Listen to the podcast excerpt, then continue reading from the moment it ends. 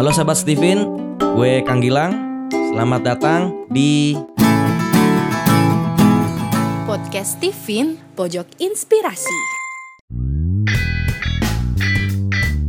Mesin kecerdasan thinking itu belahan otaknya berada di neokortex kiri.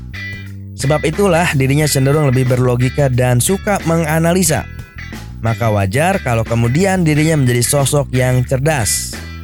Cuma pahami dulu nih guys, terutama buat kalian yang thinking, bahwa orang thinking itu bisa menjadi benar-benar cerdas. Tapi bisa juga cuma sok-sokan aja, padahal dirinya belum cerdas alias masih lemot. Jadi, apa penyebabnya? Dan harus gimana? Oke guys, langsung aja nih kita dengerin penjelasannya dari misi Dai berikut ini.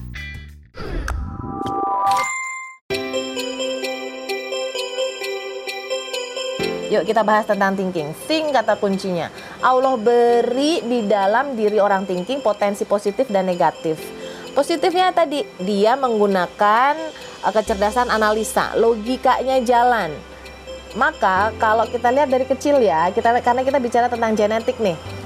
Kalau pada saat kecil seorang anak thinking difasilitasi orang tuanya untuk berpikir logis, ketika dia bertanya, "Ini kenapa Mama?" lalu orang tuanya menjawab dengan logika, dijawab sebab akibatnya, maka insya Allah kemungkinan dia untuk terbiasa berpikir logik akan menjadi uh, muncul sehingga dia muncul menjadi anak thinking yang cerdas. Dia terbiasa kemudian untuk mencari hubungan sebab akibatnya. Tapi kalau dari kecil anak thinking yang uh, genetiknya adalah cerdas, dia banyak bertanya kenapa-kenapa, lalu orang tua dan lingkungannya sering kali tidak memfasilitasi itu. Jadi kalau dia nanya ini kenapa? Ya pokoknya kayak gitu. Terus ini kenapa? Allah kebanyakan nanya. Akhirnya tadi padam kecerdasannya. Ketika kecerdasannya sudah padam, dia malas bertanya-tanya lagi. Padahal otaknya, mesin thinkingnya itu memang masih berpikir normal. Tapi kemudian dia tidak mencari jawaban yang betul, jadilah dia akhirnya apa ngerecok doang tuh. Orang thinking yang akhirnya uh, jatuhnya cuma kritik sok tahu karena jawabannya tanpa data, akhirnya kayak orang lemot, kayak orang sok tahu doang. Jawabannya nggak bisa dipercaya, Nah kalau kamu thinking yang masih kayak begini istighfar ya Astagfirullah Sayang banget harta karun kamu yang semestinya adalah bisa digunakan untuk tadi solving dari permasalahan banyak orang nggak dipakai Cuma dipakai untuk nyalah-nyalahin orang Untuk mengkritisi dunia gitu sayang banget Kayak mesin ya kalau tidak sering dipakai akhirnya apa? Berkarat. Nah, ini mungkin juga yang terjadi pada si thinking yang memang unsur alamnya adalah besi kalau orang thinking jarang berpikir analisa, jarang berpikir sebab akibat dan jarang mencari data untuk kemudian menciptakan solusi-solusi keren, mungkin otaknya berkarat. Jadilah dia lemot. Aduh, sayang banget. I know you because I love you.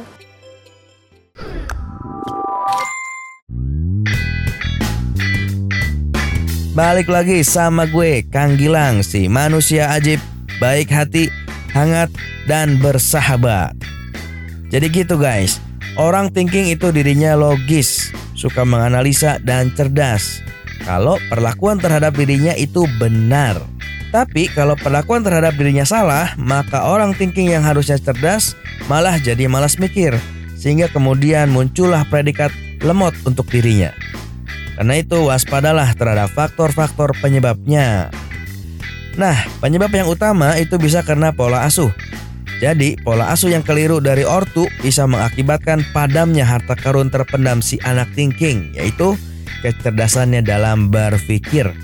Dan menurut gue, selain itu bisa juga disebabkan karena kebiasaan dirinya menyepelekan suatu perkara, sehingga potensi otaknya yang cerdas tidak difungsikan secara optimal.